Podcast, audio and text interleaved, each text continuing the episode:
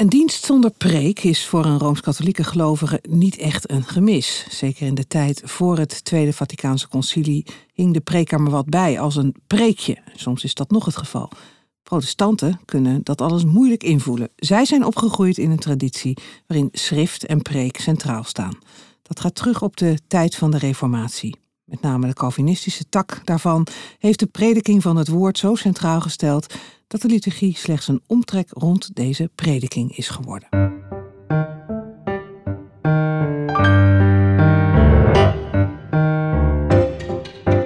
De Theologie-podcast gaat over wat vandaag speelt in kerk en theologie. De Theologie-podcast wil delen, inspireren en verdiepen. Dr. Arjan Plezier is theoloog en hij was in het verleden scriba van de Generale Synode van de Protestantse Kerk in Nederland. Samen met Ineke Cornet schreef hij het handboek Dichter bij God, om de liturgie in de kerk nieuw leven in te blazen. Want steeds meer protestanten zoeken inspiratie in de katholieke en Anglikaanse kerk. Ineke en Arjan geloven in de spirituele kracht van de liturgie. Een liturgie die ons helpt in de ontmoeting van God met ons en van ons met God. En volgens hen heeft het protestantisme een verschraling opgelopen door de nadruk op het oor. Hierdoor is de aandacht voor onze zintuigen vergeten. In hun boek doen zij handreikingen om de kerkdiensten van een nieuwe rijkdom te voorzien. En Arjen Plezier is hier aanwezig. Hartelijk welkom Arjen. Fijn dat jij uh, in gesprek wilt gaan met mij en uh, met Mark de Jager, de vaste ja, sidekick, mede-presentator. Wat is jouw laatste ervaring met liturgie? Afgelopen zondag ben ik weer heerlijk naar de kerk geweest. En um, ja, ondergedompeld in die wereld die bekend is en altijd ook weer nieuw en enerverend. Uh, het raakt me altijd al ergens bij een, een, een stilte moment, bij een, een lied dat je zingt, bij een luisterende gemeente. Ook, ook best wel een bijzonder iets. Uh, ja, ik, dat, dat geeft al direct aan, ik hoor mezelf nu praten, dat ik ook echt geen liturgie zou kunnen missen. Eigenlijk geen zondag. Was je zelf voorganger of was je kerkganger? Ik was zelf voorganger. Was zelf voorganger. Ja, wat meestal het geval is. Is, ja. dat, is dat anders? De, de rol die je hebt? Of, of, of, maakt dat eigenlijk niet zoveel uit? Nee, het is wel anders. Je bent voorganger en uh, ik voel me dan wel verantwoordelijk voor het geheel van de liturgie. Dat, uh, dat er goede voortgang in zit je bent natuurlijk zelf, uh, ja, je hebt een belangrijke rol. Uh, dus je bent er heel actief bij betrokken. En als, als ik als hoorder in de kerk zit, dan zit ik er ontspannender bij. Dan komt het meer tot me. Mm -hmm. um, dus dat is ook wel weer heerlijk. Maar ik geniet ook wel van mijn rol als voorganger. Ja, ja. Want wat betekent dan zo'n liturgie voor jou? Niet zozeer als voorganger, maar gewoon als gelovige? Kun je dat beschrijven? Ja, het geeft me een invulling van de zondag daar wil ik dan wel mee beginnen. Daardoor is de zondag echt een andere dag. En het hebben van een andere dag die mij opent voor een andere werkelijkheid is zo belangrijk voor mijn hele zijn, mijn hele tijdsbeleving. En dat gebeurt niet automatisch, maar dat gebeurt dat ik onderdeel van de liturgie word. En uh, wat, wat ik me een beetje afvraag, en uh, dat had ik ook een beetje bij het lezen van, van, van het boek. Um, wat is voor jou dan liturgie? Gaat het dan specifiek om wat daar zondags in de kerk gebeurt? Hoe zou je liturgie definiëren? Ja, je kan liturgie uh, heel wijd definiëren. Het verkeer tussen God en mens dat gereguleerd is. Dat, dat, dat volgens een bepaalde orde verloopt. Um, wij hebben in ons boek, omdat je je toch moet beperken... anders ga je het overal over hebben en dus nergens over... beperkt tot die hoofdsamenkomst op zondagmorgen. Het is de dag van de opstanding, dan kom je bij elkaar... dan krijg je de zichtbaarheid ook van de gemeente... En dan is liturgie uh, ja, het verkeer tussen hemel en aarde op een, op een geordende manier. Op een afgebakend moment, op een afgebakende plek. Ja, dus ja. bij die ordening hoort tijd en ruimte en ook een, een, een bepaald patroon van. Ja. Nou, ik begon te vragen wat het voor jou betekende als gelovige en als voorganger en als theoloog. Wat betekent theologie, liturgie voor jou als, the, als theoloog? Ik denk dat theologie, om daar dan mee te beginnen, te veel is losgegroeid van de liturgie. Alsof het twee verschillende werelden zijn. En ik moet denken aan een oude uitspraak lex orandi, lex credendi. De wet van de verering, van het bidden, is de wet van het credo, van het, dogma, van het geloven. En uh, het is voor geloven goed als het dicht in de buurt blijft van liturgie, van aanbidding. Het is voor aanbidding, wat ook zijn spontaniteit en zijn, zijn emotie met zich mee kan brengen, goed om ook weer in de buurt van theologie te blijven. Dat hm. je ook doordenkt wat je aanbidt. Ja. Maar die twee werelden zijn veel te veel uit elkaar gegaan. Met name in de theologische wereld, dat dat een enorme verarming heeft opgeleverd. En soms een bijna krampachtig zoeken naar uitgangspunten, terwijl dat helemaal niet hoeft, want je bent al onderdeel van een liturgerende gemeenschap. Ja. Was dat ook de motivatie voor Ineke Cornet en jou om, om dit boek te schrijven? Dat, die, die, dat jullie proberen die, die werelden weer wat dichter bij elkaar te brengen? Eén van de. Ja, ja wat zeker. Nog, wat nog meer? Een andere is dat we merken dat in veel. Eh, we hebben dit boek niet alleen maar vanuit een probleem geschreven, maar ook vanuit een een, een, rijkdom die de liturgie geeft en die te weinig benoemd wordt. En als je het niet benoemt, dan verlies je al iets van de rijkdom. Dus in wezen is elke liturgie ook goed. We hebben niet een missie van het moet nu zo, dan gaat het beter. Nou, maar jullie zijn over de charismatische theologie en liturgie zijn jullie niet zo heel erg positief, toch? Nou, charismatisch nog wel. Ja? Uh, we hebben wel bepaalde vragen bij evangelische vormen van liturgie. Oh, niet per se omdat dat niet mag, maar omdat je je dan moet realiseren dat je echt tot een ander soort van liturgie overgaat. En hm. dat mag je ook doen. Maar ik denk dat een protestantse liturgie die afslag niet hoeft te nemen, zonder dat je niet je inspiratie kan krijgen vanuit evangelische of charismatische uh, input. Oké, oké. Eh, je zeggen uh, de reden om zo'n boek te schrijven is om die werelden bij elkaar te krijgen en om die liturgie weer op de kaart te zetten? Is dat wat je. Nou, die staat ook nog op de kaart, want feitelijk gaan er natuurlijk nog steeds meer mensen naar de kerk dan naar het stadion. Dus waarom moet je net doen alsof er helemaal niks gebeurt. Er zijn heel veel mensen die heel veel vreugde en inspiratie in de liturgie beleven. Dus je, je, ons startpunt is vanuit die positiviteit. Ook van hoe wij persoonlijk liturgie ervaren. En als voorganger, maar ook als, als participant. Tegelijkertijd zien we ook wel dat liturgie hier en daar aan het vastlopen is. Hm. En dat zit in verschillende dingen. Dat, dat ja, uh, simpelweg, het werkt niet meer. Het geeft geen inspiratie. Wat zijn we hier eigenlijk aan het doen? En die vragen kun je niet negeren. Uh, en niet dat je daar dan maar even een uh, instant antwoord op hebt. Maar het zijn reële vragen die opnieuw je wel dwingen om te doordenken... wat doe je eigenlijk als je bij elkaar komt? En zijn we misschien in bepaald opzicht op smalspoor terechtgekomen... waardoor je dit soort ervaringen die ik net verwoord ook hoort? En als je dus vanuit die positiviteit... Uh, insteekt, hè, vanuit die liefde voor de, voor de liturgie. Is dat iets wat je altijd al hebt gehad of moet je dat ook op een bepaalde manier een beetje leren? Nou, ik heb dat zeker niet altijd gehad, want toen ik als puber opgroeide, vond ik er niks aan aan de liturgie. met vele andere pubers.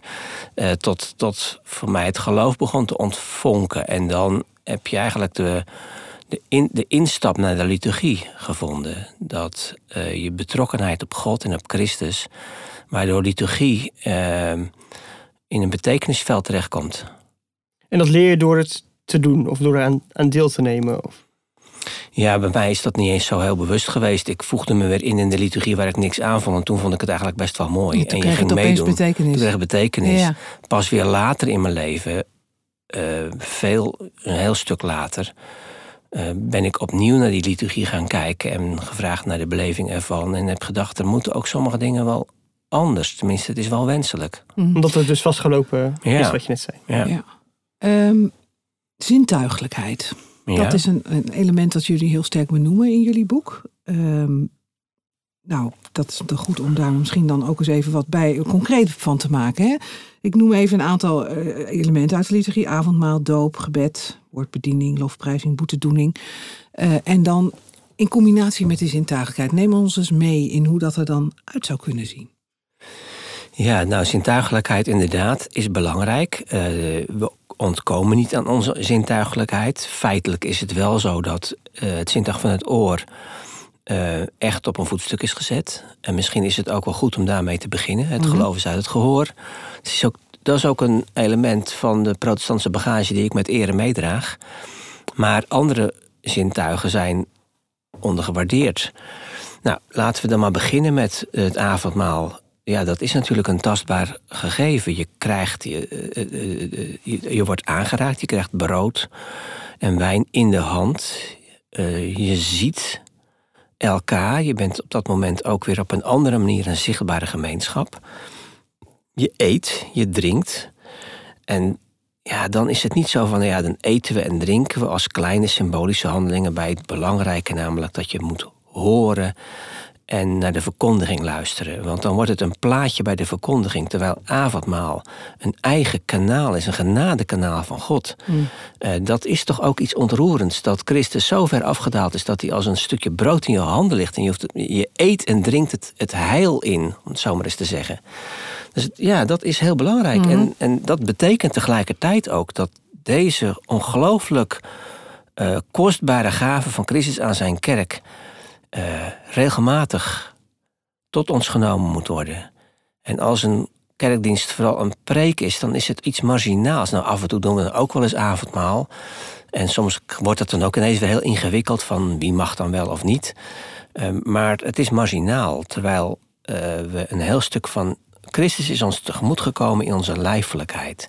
En omdat denken en horen ook best wel moeilijk is, uh, gebeurt het ook in de tastbaarheid en het eten en drinken. Eigenlijk Natuurlijk... zou je dat dus elke week moeten vieren. Ja.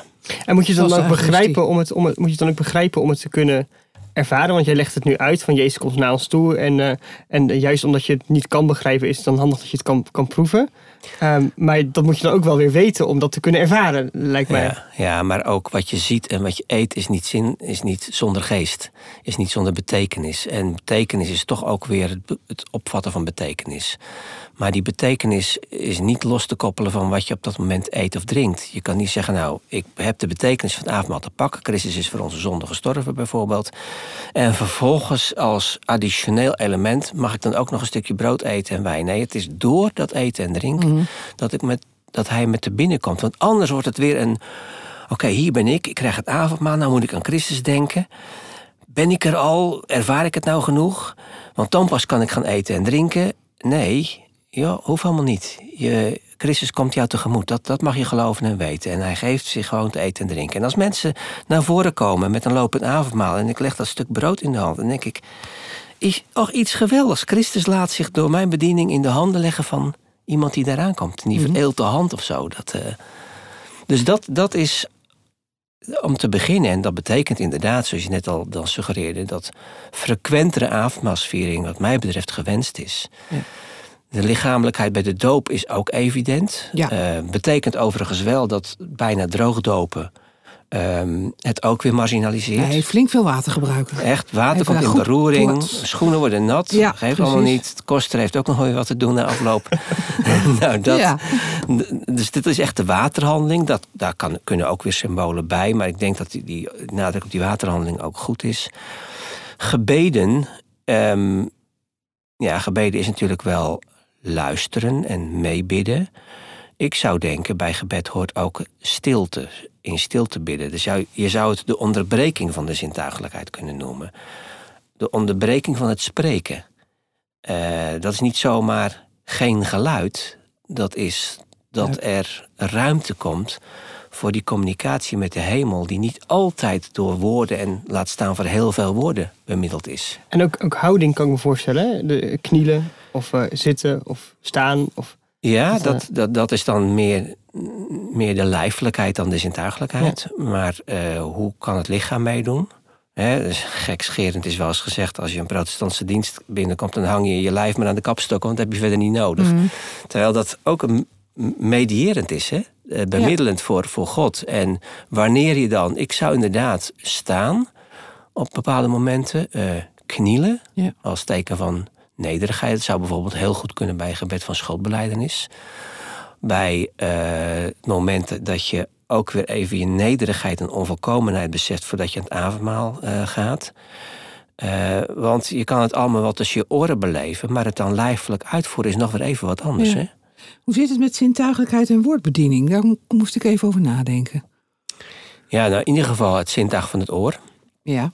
En, Wat al alle aandacht heeft gekregen eigenlijk. ja? En tegelijkertijd denk ik ook wel weer in een cultuur uh, van, van beelden... Uh, is het ook weer uniek dat er een tijd is waarin je luistert. We gaan nu luisteren. Oh, wacht, luisteren. Ja, we, gaan, we nemen er ook even tijd voor.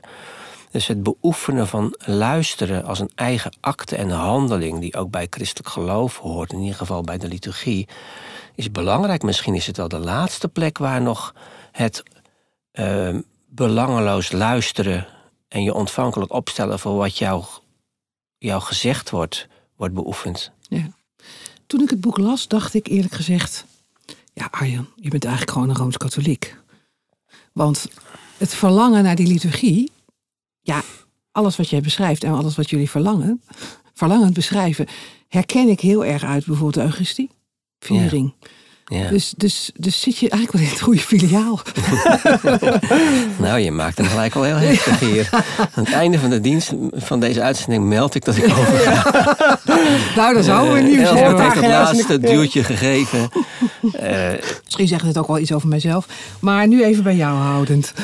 Ja, er is natuurlijk maar één kerk. En ook de reformatie is onderdeel van de katholica. En ook wel van de katholieke liturgie. Ook al is daar, een, is daar binnen weer een bepaalde keuze gemaakt. Het is niet zo dat de reformatie maar eventjes gebroken heeft met de liturgie. Er is allerlei continuïteit. Alleen ik denk dat zelfs in de, de geschiedenis van de reformatie... Um, er elementen die aanvankelijk nog wel meespeelden, ook weggegaan zijn. Nou, mm. Bekend, hè, dat Calvijn wilde eigenlijk ook elke week avondmaal vieren. Dat zegt wel wat. Mm. Hij, hij legt er echt ook de nadruk op dat dit heel belangrijk is. Nou, dat hebben we dus ook laten lopen. Dus ik zou bijna zeggen, als protestanten hoeven we niet ineens op katholiek te springen. Uh, maar we kunnen ten eerste ons afvragen of we ten opzichte van onze eigen traditie geen dingen kwijtgeraakt zijn. En ten tweede is het ook helemaal geen schande om te weten dat je als protestant niet een, op een eilandje leeft, maar onderdeel van de katholica bent. Dus er is nu denk ik ook een tijd aangekomen waarin elementen van de, de, de Rooms-Katholieke uh, eredienst en liturgie, um, dat je daar receptief in kan zijn. Uh, omgekeerd uh, zou ik ook zeggen, en dat gebeurt gelukkig ook, dat de Rooms-Katholieke Kerk receptief kan zijn naar de protestantse dienst. Mm. Bijvoorbeeld in het lied, uh, wat uh, de gemeentezang uh, is, is tot, meer tot ontwikkeling gekomen, mede onder protestantse inspiratie. Ja, Hetzelfde de, kan je van de preek zeggen. En de preek ook, ja, precies. Ja, ja, dus laat het maar gewoon elkaar bestuiven en wees niet te bang dat als je bepaalde dingen doet, dan word je misschien wel rooms. Ja, dat vind ik bezwerende uitspraken. Dat ik denk, nou ja, uh, sinds wanneer mogen wij gewoon geen leentjeburen spelen? We, we lenen gewoon van alles van, van elkaar. Ja. Je moet wel weten wat je doet. Ja. Je moet niet ineens denken, we gaan een noodgreep doen... Ja. en allerlei uh, katholieke rituelen uh, Wel invoeren. doordacht, maar dan precies... Uh, ja, jongeren en liturgie. Dat is natuurlijk ook een vraag. Ik, ik vind het een prachtig boek, maar ik ben natuurlijk al oud. Ik ben iets jonger. Ja. Jij bent wat jonger. Ja, nou, het, ja ik, ik, moest hierbij denken. Jullie lenen ook veel uh, vanuit de Anglicaanse uh, traditie, ook, ook in het boek. Nu heb ik toevallig vorige week in mijn gemeente op twee momenten een Anglicaans avondgebed naar het Nederlands vertaald.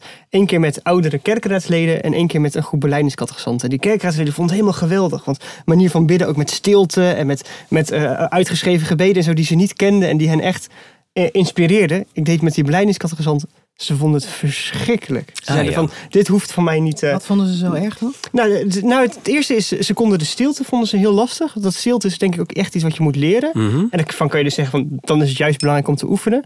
Maar ook formuliergebeden bijvoorbeeld, was voor hen... Ze zeiden van, maar bidden, je mag toch gewoon alles zeggen tegen God? Was Oh, hun ja. reactie. Ja. Ze leverden wel een mooi gesprek op. Maar je merkte wel dat jongeren meer nodig hadden om die stap terug... of die stap vooruit naar eh meer Ja. liturgisch te maken. Ja, het is natuurlijk een hele complexe vraag. Want ja, jongeren bestaan ten eerste niet. Er zijn heel veel verschillende jongeren.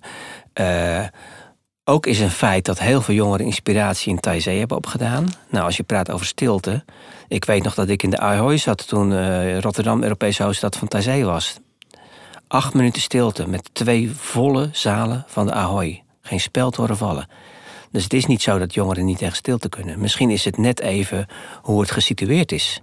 Eh, dat stilte eh, betekenisvol kan zijn. Eh, jongeren kunnen op een gegeven moment ook verlangen naar... alsjeblieft niet nog meer van onze jeugdcultuur... want daar worden we al mee overgoten. Laat het maar gewoon eens een keer eh, naar de andere kant strak getrokken worden. Dan moet je wel de feeling hebben als voorganger... dat je wel aansluit bij, bij je jongeren... Maar je hoeft niet te denken, oh, zij zijn zo, nou dan gaan we er steeds maar onsjes meer van doen. Want je geeft altijd te weinig. Eh, eh, Ja, en ik vermoed ook, dat, dat schrijf je volgens mij ook in het boek ergens, hè, dat eh, juist het mooie aan liturgie is dat het niet allemaal in één moment hoeft te gebeuren. Liturgie is ook iets wat je ondergaat. En de ene keer, soms word je geraakt, dat heb je ook niet altijd zelf in je hand. En soms ook niet. En dan ga je gewoon mee op de stroom, zeg maar. Ja, misschien is het ook wel leren dat niet alles elk moment beleving hoeft te, zijn. ja. En dat je eh, wel het besef hebt, en dat vraagt wel om zorgvuldige vormen. En niet om clichés natuurlijk, maar dat je echt opgenomen wordt in dat grote verband waar je eigenlijk naar snakt. Want we zitten met z'n allen in die, in die kooi van een kleine wereld. En daar zitten jongeren ook in, er zitten ouderen ook in. Wat dat betreft maak ik ook weer niet zoveel onderscheid tussen jongeren en ouderen. En dat een liturgie ehm, suggereert en deels ook wel bewerkt dat je uit die verenging terechtkomt in een wereld van heiligheid bijvoorbeeld. Heiligheid. Want het besef, dit gaat mijn petten boven. Dit is belangrijk. Maar dan moet natuurlijk een liturgie iets anders, af zijn, dan, anders zijn dan het afdraaien van onze Mhm. liturgie. Die we Mhm. weer van A tot Z hebben doorgewerkt. Ja. En hoe je dat bewerkt, daar is niet één recept voor. Maar het is ook niet zo dat je eh, op een bepaalde manier toe moet geven aan jongerencultuur. alsof jongeren dat dan van je willen. Hm.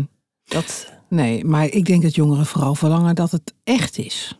En dat ze het niet ervaren als een dominee die maar gewoon zijn lesje opdreunt. Ja. Maar dat ze ervaren van deze dominee neemt mij ook mee in de betekenis. Zonder dat dat betekent dat je een college staat te geven. Maar wel Ja. mensen proeven van eh, wat, wat betekent dit e- element in de, in de liturgie dan. En, eh, nou, ja. dat, daar heb je zeker gelijk in. Predikanten die gewoon hun ding doen. eh, vanuit hun, hun vakbekwaamheid, et cetera. eh, of een liturgische expertise, dat is veel te weinig. Je Mm. wil ook iemand hebben die er in vlees en bloed de representant is van het evangelie. En je hoeft niet een exhibitionisme te noemen, maar je moet ook wel durven zeggen: hier sta ik. En dit is nou voor mij. Ja. En het is best, dat vraagt wel wat, hè? dat vraagt veel meer dan het type voorganger dat we tot nu toe hebben gekend. Want het evangelie eh, vraagt erom ook door jou heen te gaan. En dat is ook spannend. En dat betekent ook door jouw droogte heen en, en door jouw woestijnervaringen Maar wacht eens even, eh, het type dat we tot nu toe hebben gekend, is, zijn alle voorgangers tot nu toe nog niet in staat gebleken om de liturgie recht te doen? Of, eh, Ook dit zou natuurlijk een, een, een leuke kop op kunnen Ja, leveren. precies. Nee, nee, nee, vrees niet. Eh, dat maar is- Mark en ik zijn ook allebei dominee, dus dat willen we wel even weten. nee, nee. Nou, maar ik denk wel dat er iets is wat maakt dat. eh, en da- ik ben helemaal eens met Arjan dat, eh, dat de jongeren niet bestaat. Maar ik denk wel dat er iets is dat maakt dat mensen van mijn generatie en daaronder. Bij de kerk als eerste associatie hebben: het is saai. Ja. Of het is niet interessant. En dat heeft wel iets inderdaad niet eens te maken met dat je een liturgie hip maakt, als dat maar zou kunnen. Maar wel dat de authenticiteit soms een beetje naar de achtergrond gaat. Ja, en dat Hmm. zal zeker een factor zijn van de dominee. Eh, Ja. Het is allemaal mooi, het zal zo wel horen, maar het is niet meer mijn wereld. Maar het kan al meer je wereld worden als er een voorganger is, maar ook mensen in de gemeente die een voorbeeldfunctie hebben waar je je mee kan identificeren. Daar begint het toch wel vaak mee. Maar jij zegt eigenlijk, dat, is nog, dat komt maar heel weinig voor. Nou, eh, we zijn, we zijn aan het overgaan van het ene type predikant... dat nog in het rijtje liep van de dokter en de notaris... eh, naar een ander type predikant... eh, voor wie het ook veel belangrijker zal worden... als heel veel kaders om je heen wegvallen... en heel veel van de verworvenheden van het ambt... sta je er ook wel weer soms als persoon. En wat betekent voor jou dan het evangelie? En mensen hebben hun recht om dat ook te vragen... Mhm. zonder dat jij er een standaard antwoord op, je eh, antwoord op geeft. Maar dat is wel wezenlijk. Ik vind dat wel heel erg ingewikkeld. Merk ik. In mijn rol als voorganger. Nou, in hoeverre, het, de liturgie draait niet om mij. Ja? Hè, dat is het punt. Eh, dus in hoeverre moet, jou, moet jouw particuliere ervaring dan aanwezig zijn daar?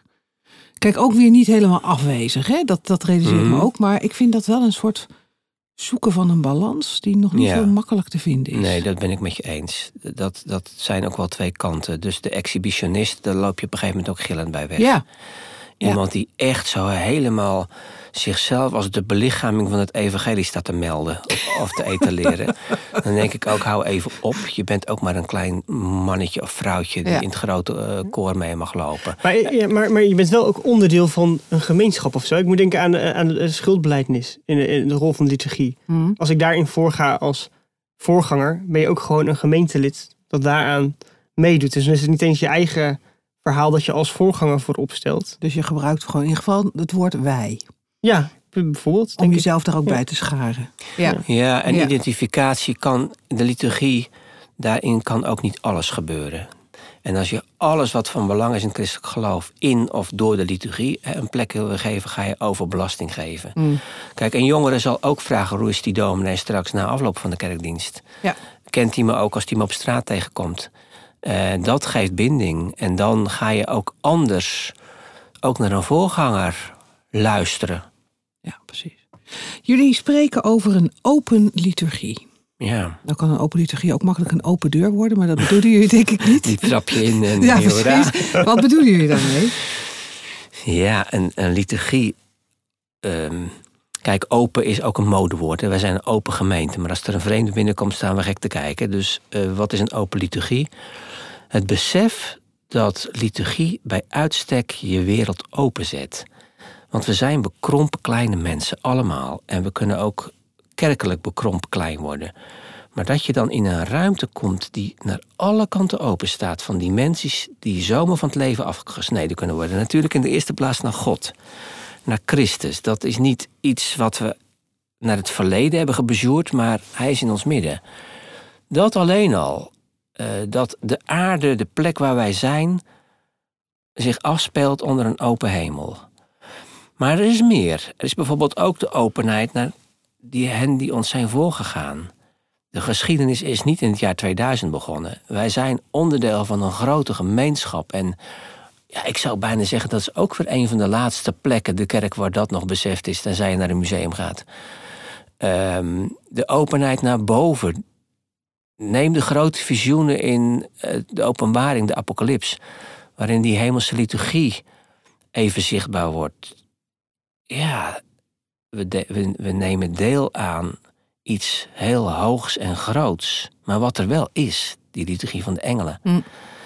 Um, we staan open naar de toekomst. Want wij zijn altijd voor de time being bezig. En een, een liturgie, daar zit het Maranatha in. Uh, de geschiedenis sluit niet en loopt niet op een blinde muur af. We zijn ook niet alleen maar bezig met het... Uh, hoe maken wij onze kerk nou weer relevant tot het jaar 2025? Nee, die, die openheid zit erin. Um, dus open naar verschillende kanten. En ik denk dat die openheid, bij alle openheid die wij beleiden in onze cultuur, dat die openheid nou juist schromelijk wordt gemist. De openheid naar wat niet maakbaar is, dat niet hanteerbaar is, wat staat in zijn eigen recht, wat, wat empowered, mm-hmm. hè, uh, wat tot je komt. Uh, ja, als een liturgie een in zichzelf gesloten wereld wordt, want wij hebben weer onze mooie liturgie of onze minder mooie liturgie afgedraaid, dan maken we er zelf een, een verfrommelde krant van. En ja, dat is niet echt wat je van een liturgie Nee, mag nee. verwachten. Nou kennen we uit de jaren 60 denk ik zo'n beetje de liturgische beweging. Vind ik nog wel eens resten van in verschillende kerken. Is eigenlijk een beetje ja, belegen geworden. Een beetje oneerbiedig gezegd misschien. Um, is jullie boek eigenlijk een pleidooi voor een nieuwe liturgische beweging?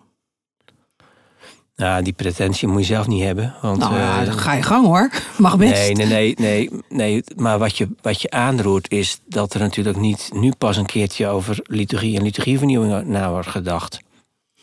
Ik denk dat de liturgische beweging ook heeft geprobeerd om iets vlot te trekken wat ergens ook vast kwam te zitten door te putten uit uh, de oude kerk met name. Mhm. Uh, en uh, vooruitgang kan ook betekenen iets terugpakken wat er geweest is, maar wat verloren is gegaan. Dat is ook vernieuwing. Hè? En dat heeft de liturgische beweging denk ik heel goed gedaan. Ook die aandacht al voor frequentere avondmaalsvieringen.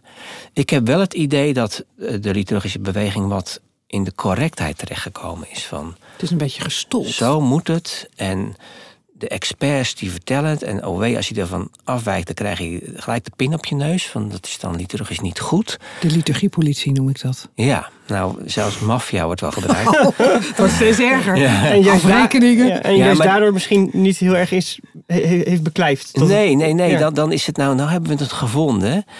En ik denk hoe je bewust met liturgie om kan gaan en niet zomaar wat kan aanrommelen. Amen. Hoe je oude vormen kan terugplekken, ook amen. Maar dat moet ook weer niet dichtgetimmerd worden. Eh, dus zeker nu en daarom zeggen wij wel, en je kan zeggen of wij die pretentie waarmaken of niet, dat is dan even ook weer vers 2. Maar die input van bijvoorbeeld aanbidden. Dat je niet miesmuizerig een gloriaatje zingt volgens precies de, de goede orde. Maar dat je echt tot aanbidding komt en daar de ruimte voor neemt. En dat je daar ook royaal muziek en misschien zelfs wel dans en, en verschillende instrumenten bij gebruikt. En dan zegt een, iemand van de liturgische beweging, anno, laten we zeggen 2010, laat ik even veilig blijven. Die zegt dan gauw, ja nee, dat kan zo niet, want eh, nee. De gebeden, dat er ook klassieke gebeden worden gebruikt met standaardteksten die je herhaalt, is goed.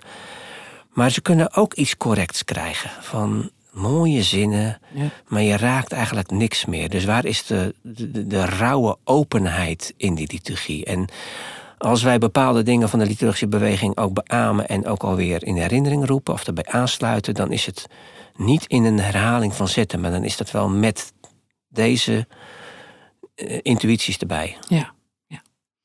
We kunnen nog uren doorpraten. Ja, inderdaad. Maar dat gaan we niet doen. Dankjewel, Arjen Plezier, voor dit eh, inkijkje in jullie boek Dichter bij God. Eh, dank voor je komst ook. En eh, als u meer wil lezen over dit thema, liturgie in de kerk, dan hebben we daar een themapagina over gemaakt op www.theologie.nl slash dichter bij God. Dat laatste is aan elkaar geschreven. En op die pagina staan een groot aantal artikelen, actuele artikelen over dit thema bij elkaar geplaatst.